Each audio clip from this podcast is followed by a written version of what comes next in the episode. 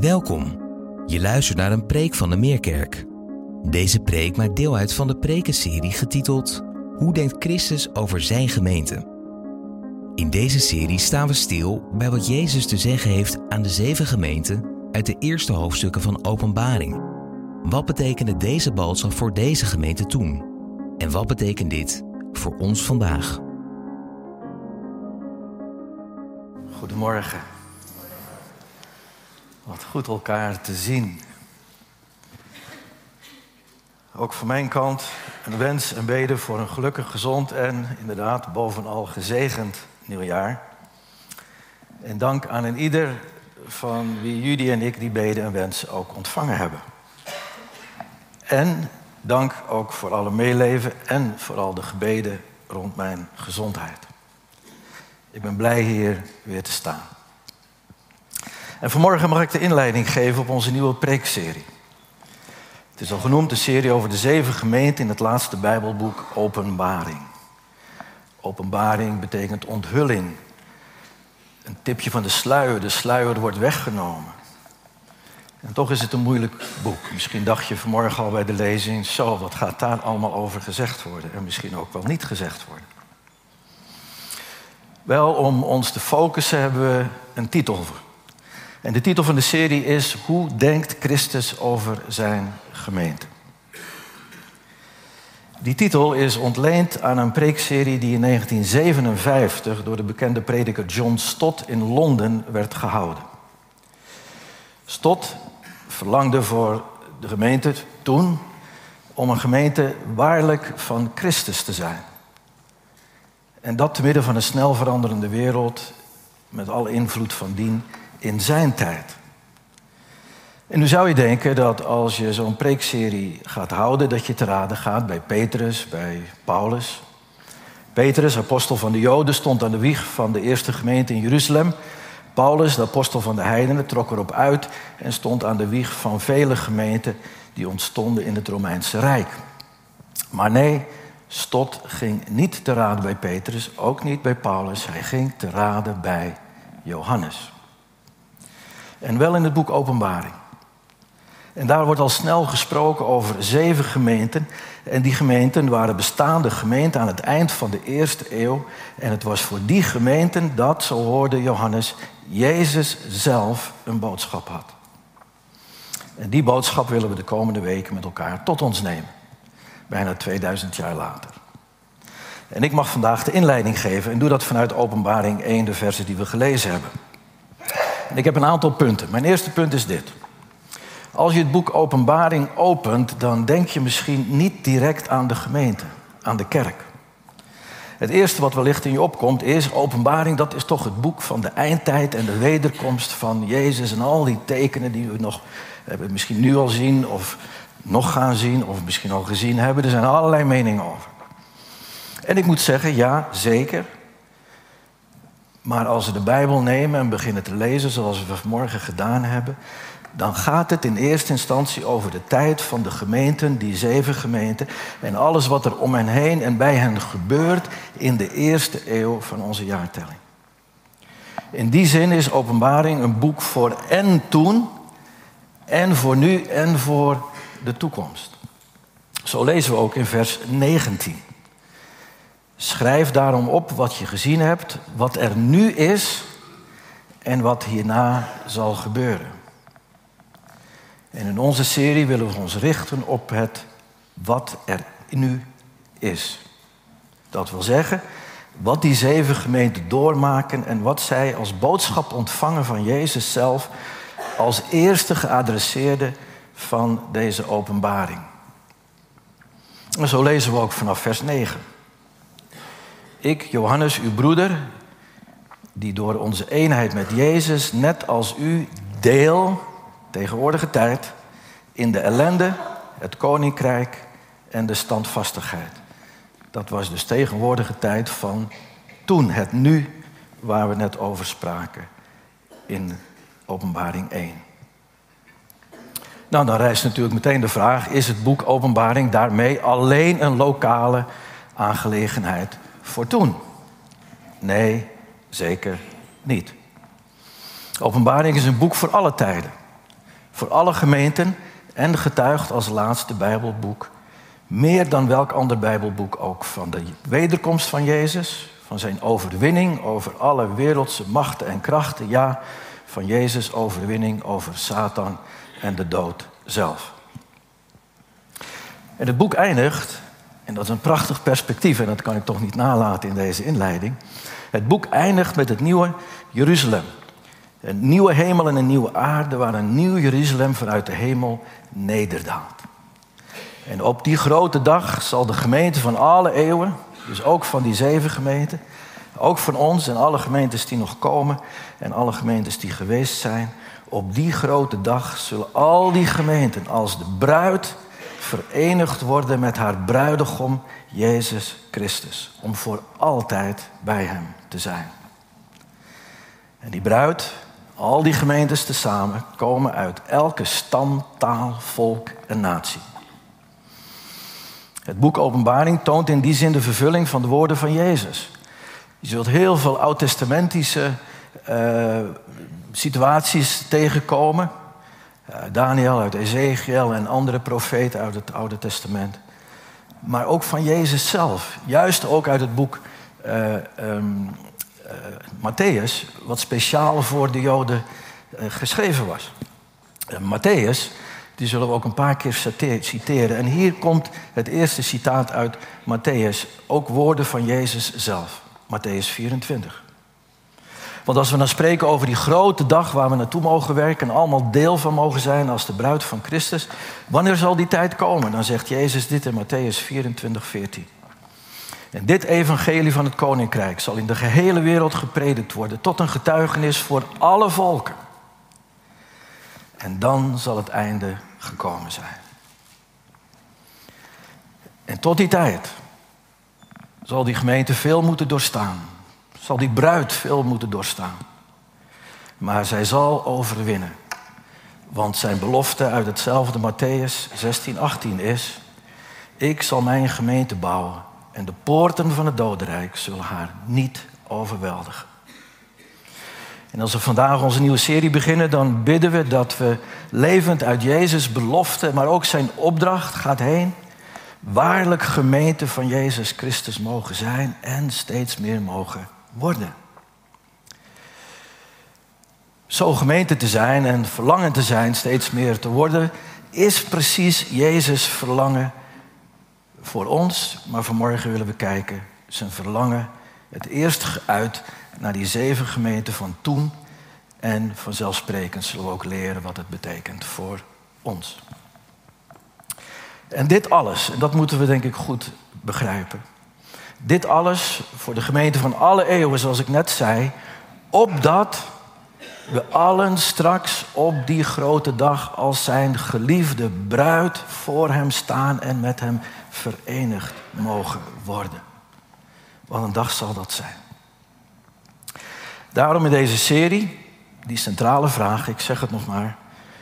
Hoe denkt Christus, Christus zelf over zijn gemeente? En zoals we zo vaak zeggen in de Meerkerk, maar het mag geen cliché worden wat geen betekenis meer heeft. En ik hoop dat deze serie ons helpt te begrijpen waarom we het elke keer zeggen. Het gaat om Jezus en Jezus alleen. En wat zijn plan en zijn voornemen is als de grote lover van zijn bruid. Degene die ons lief heeft gehad, zijn leven heeft afgelegd aan een kruis. Die alles voor ons gedaan heeft, de hemel verliet. Een slaaf werd tot in de dood, opstond uit de dood. Die geliefde wil verenigd worden met zijn bruid. Naar zijn voornemen. Wij zijn gemeente. Eerste inleidend punt. Tweede inleidend punt is een vraag. En dan gaan we terug naar toen. Waar en onder welke omstandigheden ontving Johannes de openbaring en wie zijn de geadresseerden precies voor wie hij deze moet opschrijven? Uiteraard, het was een openbaring en een bemoediging voor hemzelf. Maar hij krijgt de opdracht deze op te schrijven en te zenden, te geven aan die zeven gemeentes. Wel, dit is de omstandigheid van Johannes. Hij blijkt verdrukt en verbannen te zijn verdrukt omwille van het dienen van Christus en verbannen naar Patmos, een eiland voor de kust van Klein-Azië, het huidige Turkije. En daar op de eerste dag van de week, de zondag, de dag van de opstanding, van de paaszondag, krijgt hij een visioen. En dat ging zo. Ik was op het eiland Patmos vanwege de boodschap van God en het getuigenis van Jezus. En op de dag van de Heer kwam de geest over mij. Nou, hoe bijzonder dat Johannes zich als verbannen leider, als herder en leraar van de gemeente in Efeze, maar ongetwijfeld ook die andere gemeentes die we straks zullen horen. Hoe bijzonder is het dat hij als leider zich niet een uniek slachtoffer noemt, maar juist direct de verbinding zoekt met al diegenen die in die gemeenten vertegenwoordigd zijn, voor wie de openbaring bestemd is. Ik ben uw broeder, niet uw leider, nee, ik ben uw broeder in Christus en ik ben een lotgenoot. Ik heb net als jullie deel aan de ellende van verdrukking en vervolging. We zitten in dezelfde boot. En dan denk ik direct ook weer aan kerst. De discipelen die zaten allemaal in dezelfde boot. Maar gelukkig, Jezus was aan boord. En vandaag gaan we horen hoe, Johannes ook moet horen. Dat Jezus alles onder controle heeft. Nu, met deze woorden van Johannes begrijpen we ook direct dat de vervolging dus niet alleen Johannes treft, maar ook al die broeders en zusters in die zeven gemeenten. Johannes leeft met hen mee. Bid voor hen. Daar eenzaam op dat eiland. Wat zal die God gezocht hebben, in het bijzonder op de zondag. En als herder en leraar kende hij de gemeente, wist wat ze doormaakten. Misschien was hij deze zondag wel extra in gebed om voorbeden voor hen te doen. Juist nu de vervolgingen onder keizer Domitianus systematisch waren geworden en elke christen kon treffen. Waar 25 jaar daarvoor keizer Nero eh, ook vervolgingen waren, maar die beperkten zich tot Rome. Was het met de huidige keizer Domitianus, daar was eigenlijk het hek mee van de dam en waren alle christenen in het hele grote Romeinse Rijk doelwit. Wat was er namelijk gebeurd? Waar Nero al megalomaan was, Domitianus deed er nog een schepje bovenop. Hij verklaarde zichzelf namelijk tot Dominus en Deus, heerser en God. Heerser en God. En hij eiste van alle onderdanen, ook van christenen, aan publiek, om erkenning en aanbidding van zijn goddelijke status. Maar voor de volgelingen van Jezus was er maar één Heer, één God, en dat was Jezus Christus. Zij konden daar niet aan meedoen. En zo had iedere christen op de een of andere manier te maken met discriminatie, pesterijen, tegenwerking, uitsluiting, verdrukking en soms ook harde en vrede vervolging. Johannes, als dienaar van de gemeente, moet daarom al snel opgepakt zijn geweest en verbannen om hem als het ware los te wrikken van de gemeente die hij zo graag diende en monddood te maken als prediker monddood. God had andere plannen. En zo lezen we vanaf vers 10. Op de dag van de Heer raakte ik in vervoering.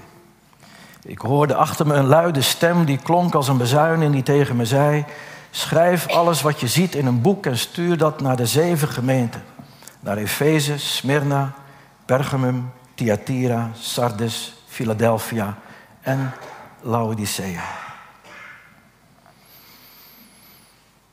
Het gaat dus om een heel boek, het boek van Openbaring. Dat hele boek Openbaring is bestemd voor de zeven gemeenten.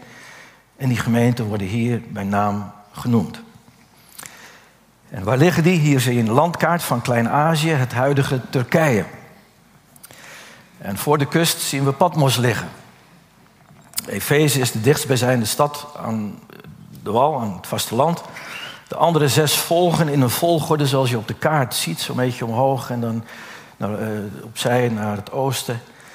En die route, zo mooi op dat kaartje uitgetekend, was een bekende postroute. Dat is wel heel mooi. En ik denk dat, we weten niet of de boden, daar zullen we straks over lezen, de kans hadden om naar padpost te krijgen, komen, of een paar van hen, of misschien één, om, om de openbaring, het boek, in ontvangst te nemen. Of dat het op een andere manier gebracht is naar de gemeente. Maar dit was in ieder geval de volgorde van de steden, de gemeente en de route. Nou, dat iets over de achtergrond. Ons derde inleidende punt is de vraag: wat zag Johannes? Wat zag hij als openbaring? In vers 12 geeft hij een eerste beschrijving. Ik draaide me om om te zien welke stem er tegen mij sprak. Toen zag ik zeven gouden kandelaars. En daartussen iemand die eruit zag als een mens. Hij was gekleed in een lang gewaad en had een gouden band om de borst. Zijn haar was wit als witte wol of sneeuw. En zijn ogen waren als vlammend vuur. Zijn voeten gloeiden als brons in een oven. Zijn stem klonk als het geluid van geweldige watermassa's. In zijn rechterhand had hij zeven sterren. Uit zijn mond kwam een scherp tweesnijdend zwaard. Zijn gezicht schitterde als de felle zon. Hoe indrukwekkend. Hoe indrukwekkend dit betoon van Jezus' heerlijkheid, majesteit en macht.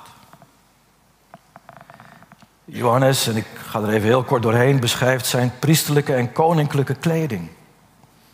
Hij beschrijft zijn haar en ogen, zijn voet en stem.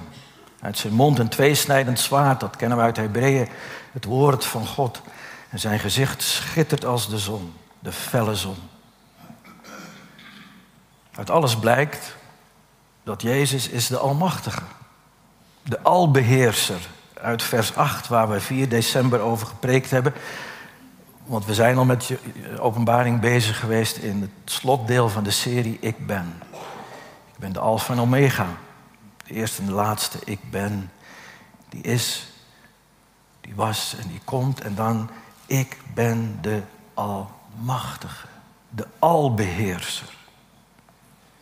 Dit is de God in Jezus Christus, die zijn kinderen als de Almachtige, oppermachtig te hulp schiet en geen Romeinse keizer met al zijn legioenen kan hem weerstaan, ook Domitianus niet. En dan denk ik weer aan kerst en wat we net gezongen hebben. Dat de stem van hem die de oppermachtige is, daarvoor moet ieder, ieder wijken. De zee, de storm, de wind, maar ook alle machthebbers, alle krachten en machten, ja, Satan zelf. En die boodschap vinden we nu hier al aan het begin van openbaring. En dat doet ons direct denken, en ik zei het, ik ga Matthäus een paar keer citeren, het doet ons direct denken aan Jezus' belofte in Matthäus 16, die zo waar is, die een basis is van ons als gemeente. De poorten van het dodenrijk zullen de gemeente niet overweldigen. De poorten van het dodenrijk zullen de gemeente niet overweldigen.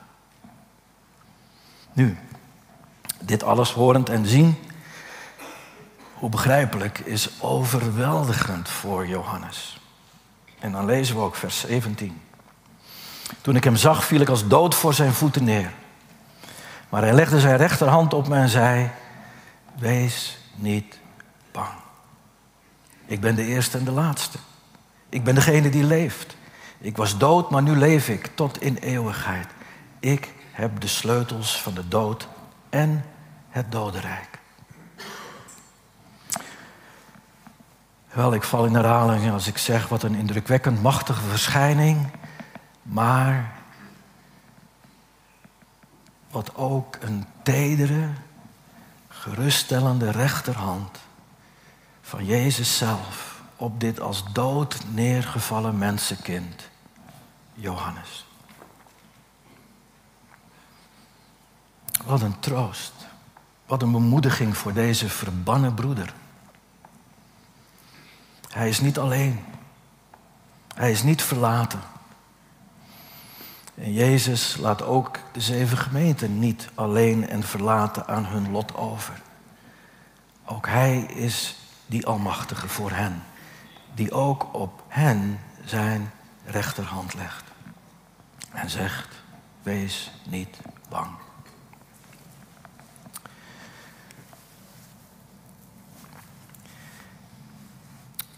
Jullie en ik hadden ooit het voorrecht om het eiland Patmos te bezoeken.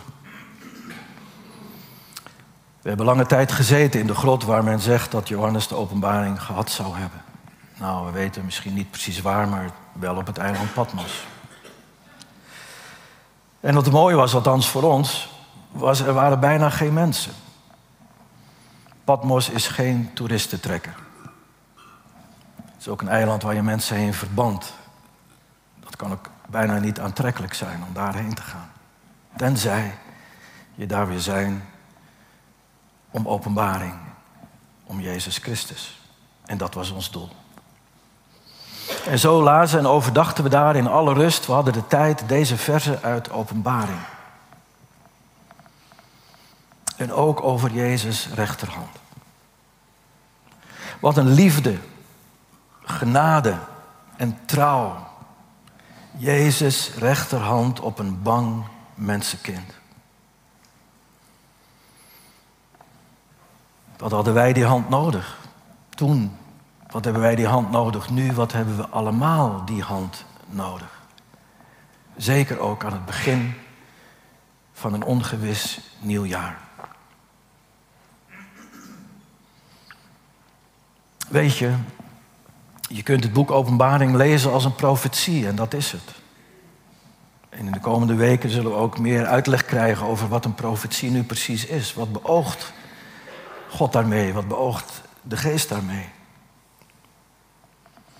Ja, een profetie is het. Het boek Openbaring. Maar mis de pastorale, herderlijke inhoud niet. Mis het niet. Mis die tedere, geruststellende, liefdevolle en genadige aanraking door de Almachtige, die zo dicht nabij is gekomen. Hij is de goede herder, die alles over heeft voor zijn schapen. Hij is zo dichtbij, ja, zijn hand legt hij op ons.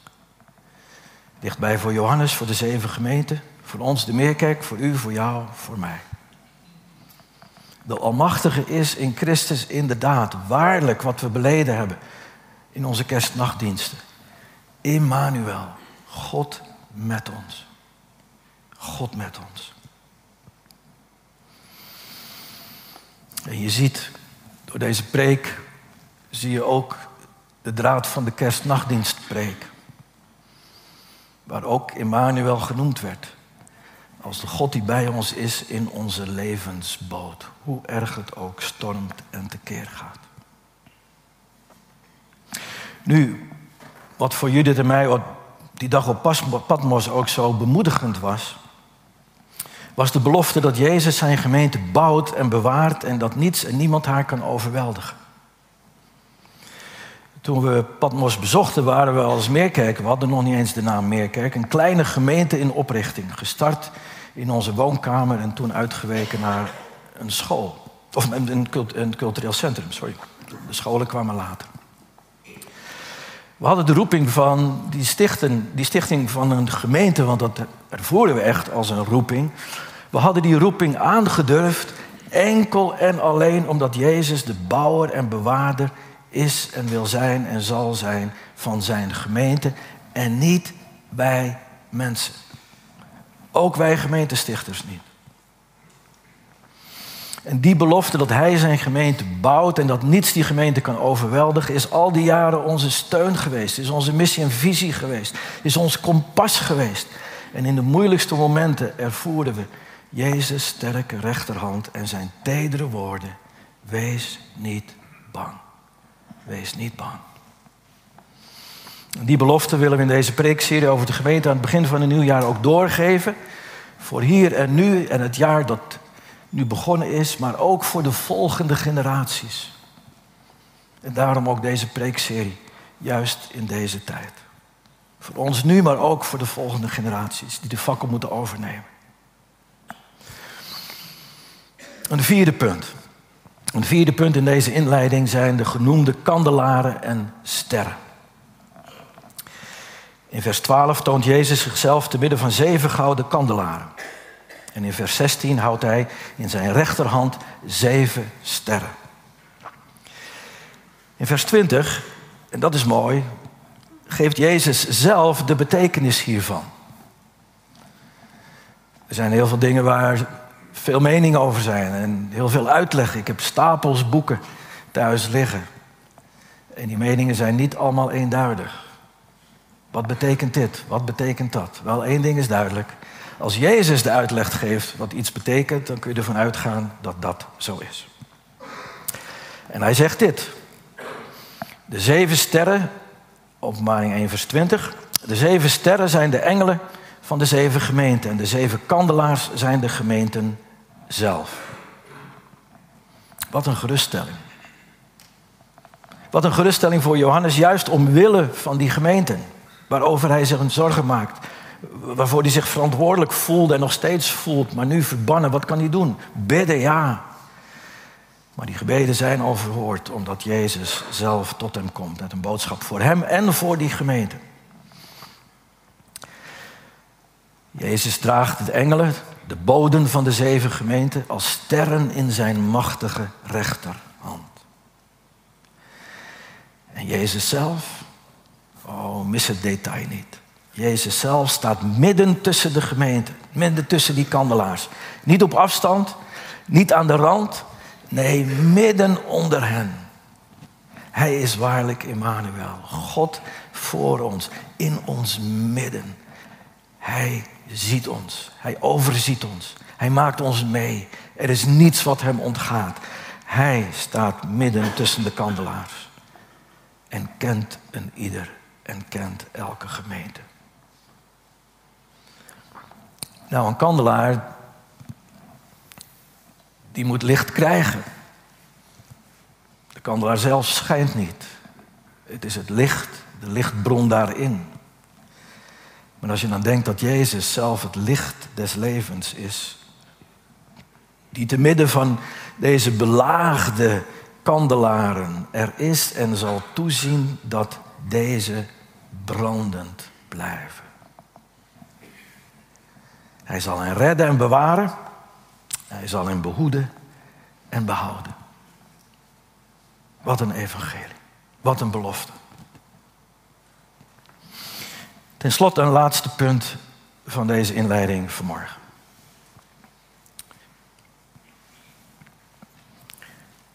Soms spreken we zonder nadenken over de openbaring van Johannes. Het laatste Bijbelboek, Openbaring van Johannes. Maar het is de openbaring van Jezus Christus aan Johannes. Dat is een groot verschil. En om het maar direct te zeggen, met de deur in huis, begint het boek ook zo. Vers 1 van Openbaring 1. De openbaring van Jezus Christus die hem, Johannes, door God gegeven is. Nou, je kunt weer doorlezen, maar je kunt er ook even bij stilstaan. En dat willen we als laatste punt doen. Wat Johannes meemaakt en opschrijft, is dus niet van horen zeggen. Niet opkomend uit zijn eigen denken en voelen. Nee, het is een openbaring, een onthulling, een ontsluiering waarin Jezus zelf aan hem verschijnt. Daarom ook die preekserie Hoe denkt Christus over zijn gemeente? We durven zelfs niet te zeggen hoe denkt Johannes over de gemeente. En die nadruk op Christus. Want, en hier komen we weer uit Matthäus. De gemeente van Christus leeft uit de openbaring van Jezus en Jezus alleen. Toen Jezus in Caesarea Philippi zei, en, en wie zeggen de mensen dat ik ben? En toen kreeg hij allerlei meningen van mensen. De een zegt dit, de ander zegt dat. En dan zegt Jezus, maar jullie, wie zeggen jullie dat ik ben? En Petrus, Haantje de Voorste, zegt: U bent de Christus, de zoon van de levende God. Dat was het goede antwoord. Maar Jezus haast zich om te zeggen: Zalig ben je, gelukkig ben je als je die beleidenis mag hebben in je hart en spreken met je mond. Maar die is niet van vlees en bloed. Dat is een openbaring van mijn Vader in de hemel.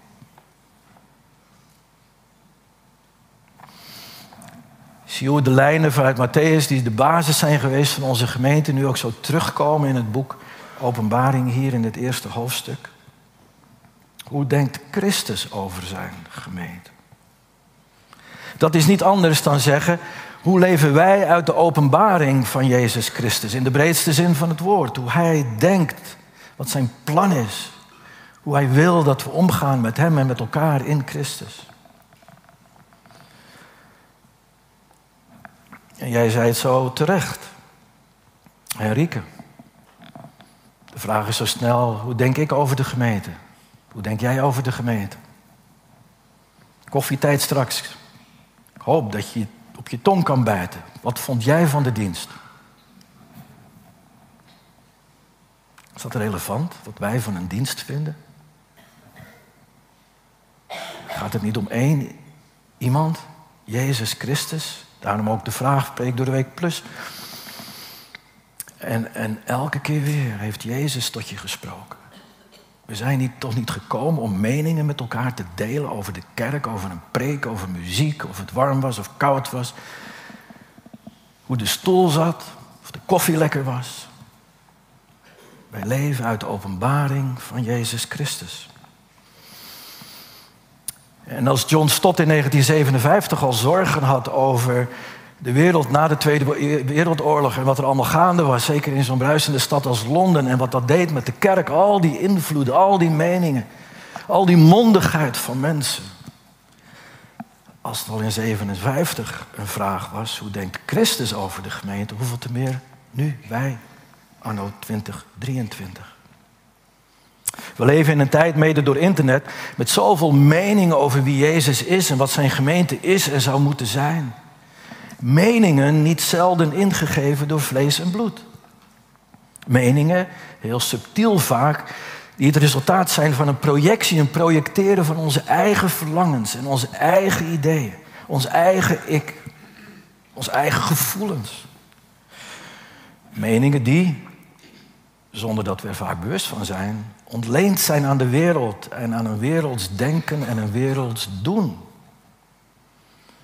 Meningen, en deze zijn de meest subtiele, de meest verleidelijke ook, meningen ingefluisterd en ingegeven door Satan zelf. We weten hoe de eerste bladzijden van het Bijbelboek Genesis eindigen met de eerste zonde in de Hof van Eden rond de boom van kennis van goed en kwaad. Het gebeurde door het ingaan op een mening ingefluisterd door de slang, door Satan. Heel subtiel. Heeft God niet gezegd? Nee, dat had hij niet. Maar zo verpakte hij het. We zullen straks in de brief aan de gemeente ook horen hoe Satan en zijn verleidingen aan de kaak gesteld worden. En dat, en dan zijn we weer bij het begin van de inleiding, met één doel. En laten we dat goed voor ogen houden. Het ene doel, dat dit alles aan de kaak gesteld wordt in die gemeente. Het werd net al gezegd door Henrike, wat goed gaat, wat minder goed gaat. Het heeft één doel.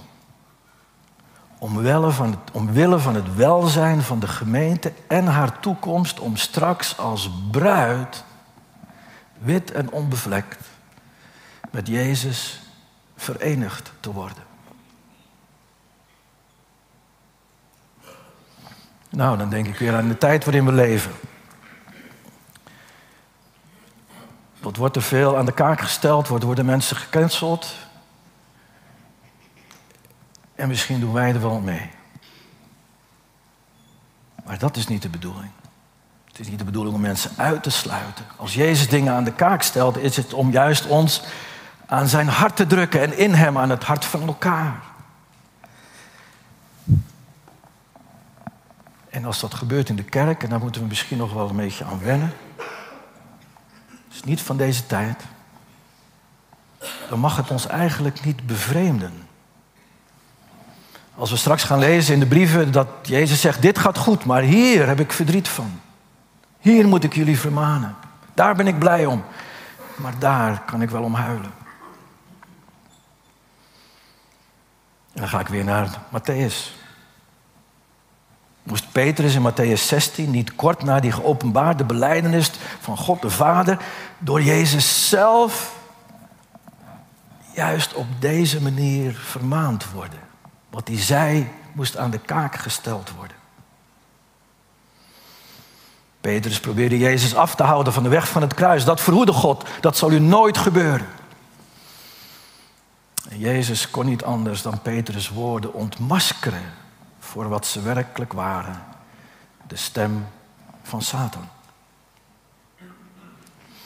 En zo keerde Jezus zich om en zei tot Petrus: Ga weg achter mij, Satan. Je bent me een aanstoot, want je bent niet bedacht op de dingen van God, maar op die van mensen.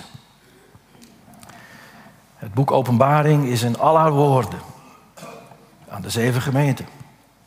Maar ook soms in al die ontzagwekkende beelden en onvoorstelbare symbolen die we niet begrijpen, maar laten we één ding weten. Het is één groot appel.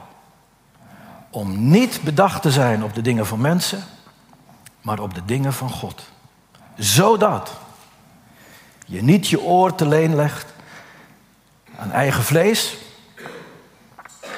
aan de wereld en aan Satan. Maar je oor leent aan Jezus Christus. En Hem alleen. Hij die de overwinnaar is. De Alpha en Omega. De eerste en de laatste. De Almachtige. De oppermachtige Heer. En zo zullen we de komende weken zien dat elke boodschap aan die gemeente eindigt met deze oproep. Wie een oor heeft, die horen. Niet wat het vlees, niet wat de wereld, niet wat Satan, maar wat de geest spreekt tot de gemeente. En die geest wil ons doen horen en verstaan de openbaring van Jezus, opdat we zullen overwinnen. En zullen vasthouden en volharden tot het eind. En overwinnend zullen zijn en leven uit Hem, door Hem en tot Hem. Ten volle tot in eeuwigheid.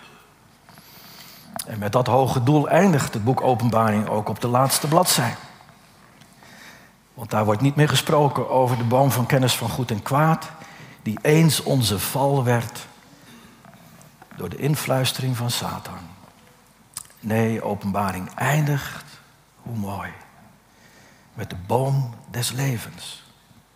Die eeuwig leven geeft aan alle die volhardend op Jezus Christus hun vertrouwen gesteld hebben. Ik wil eindigen met het laatste vers van wat straks in de zevende preek gehouden zal worden over de zeven gemeenten. De laatste gemeente zagen we in het, in het kaartje is Laodicea. En Laodicea, de boodschap aan hen, eindigt met een vers. Het is Openbaring 3, vers 20. En nu zullen sommigen van jullie een beetje opveren. Ah, die ken ik. Ik ken hem ook. Ik ken hem heel goed. Het is ooit de tekst geweest die mij als tiener zo raakte dat ik niet anders kon dan mijn hart openen voor Jezus en hem binnen te vragen. En dat veranderde mijn leven totaal. Die tekst is uiteindelijk aanleiding geweest waarom ik hier vanmorgen mag staan. En ik wil gewoon met een ieder meedenken en voelen vanmorgen. Misschien ook wel jij die hier voor het eerst bent na de kerstnachtdienst en je denkt, wauw, er komt wel erg veel op me af. En je vraagt je misschien af, is, dat, dat, is dit dan ook allemaal voor mij en hoort dit er allemaal bij? Wel, misschien was je ik, zoals ik was. Ik was hongerig, maar ik begreep zoveel niet. Ik had zoveel vragen. Soms duizelde het me. Totdat. Totdat ik de woorden las uit Openbaring 3, vers 20. En die wil ik graag, juist voor jou, als deze boodschap van vanmorgen misschien een beetje te veel voor je is. En die boodschap is deze. Een tedere Jezus, die als een goede herder en als het licht van de wereld met een zachte stem tot je komt en zegt: zie, ik sta aan de deur en ik klop. Indien iemand naar mijn stem hoort en de deur opent, ik zal bij hem binnenkomen en maaltijd met hem houden. En hij, zij met mij. Die boodschap is misschien voor jou. Maar die boodschap is ook voor mij. Want het nieuwe jaar gaat weer heel veel stemmen en heel veel kloppen op mijn deur geven. En we willen in deze serie ontdekken: zijn dat stemmen en kloppen van mijn eigen vlees, van de wereld, van Satan of is het Jezus Christus? Oh, dat we mogen groeien in het verstaan van die stem en die klop. En ons hart meer dan ooit wagenwijd openzetten. Voor het eerst of bij vernieuwing. Laten we samen bidden.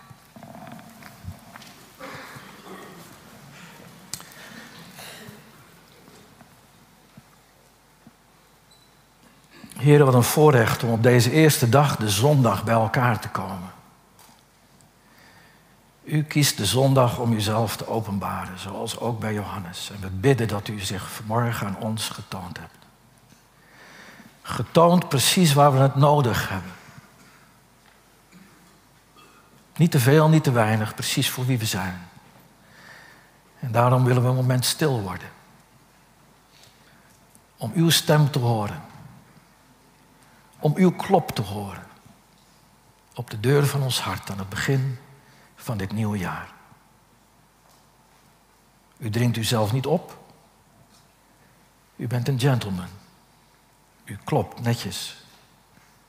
En u wacht op ons antwoord. Oh, dat we de deur van ons hart mogen openzetten. En u ontvangen. Op deze 8 januari 2023. Spreek zo tot ons hart. Klop zo. O Heer, doe het bij een ieder van ons. In deze momenten van stil gebed. Het mag zijn ook een moment van stille overgave.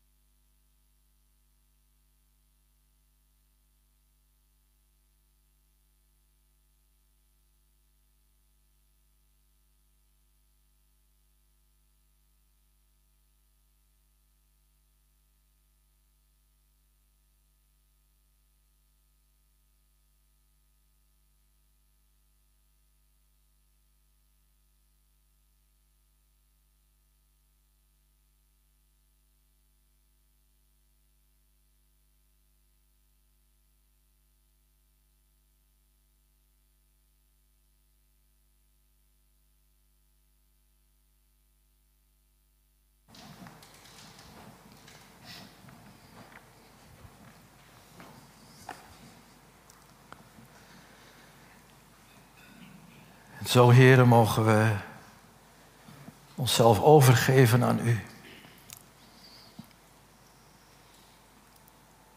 En misschien is dat heel onwennig. Heb je de deur op een kier gezet en weet je het nog niet. Maar dank, heren, dat u de lover bent. Die ons achterna zit. De bruidegom die niet eerder rust totdat de gemeente compleet is. Ja, de bruid volledig is. En zo bid ik voor ieder van ons. Of ons hart hebben geopend, of nog maar op een kier, of misschien zelfs nog de deur hebben dichtgehouden.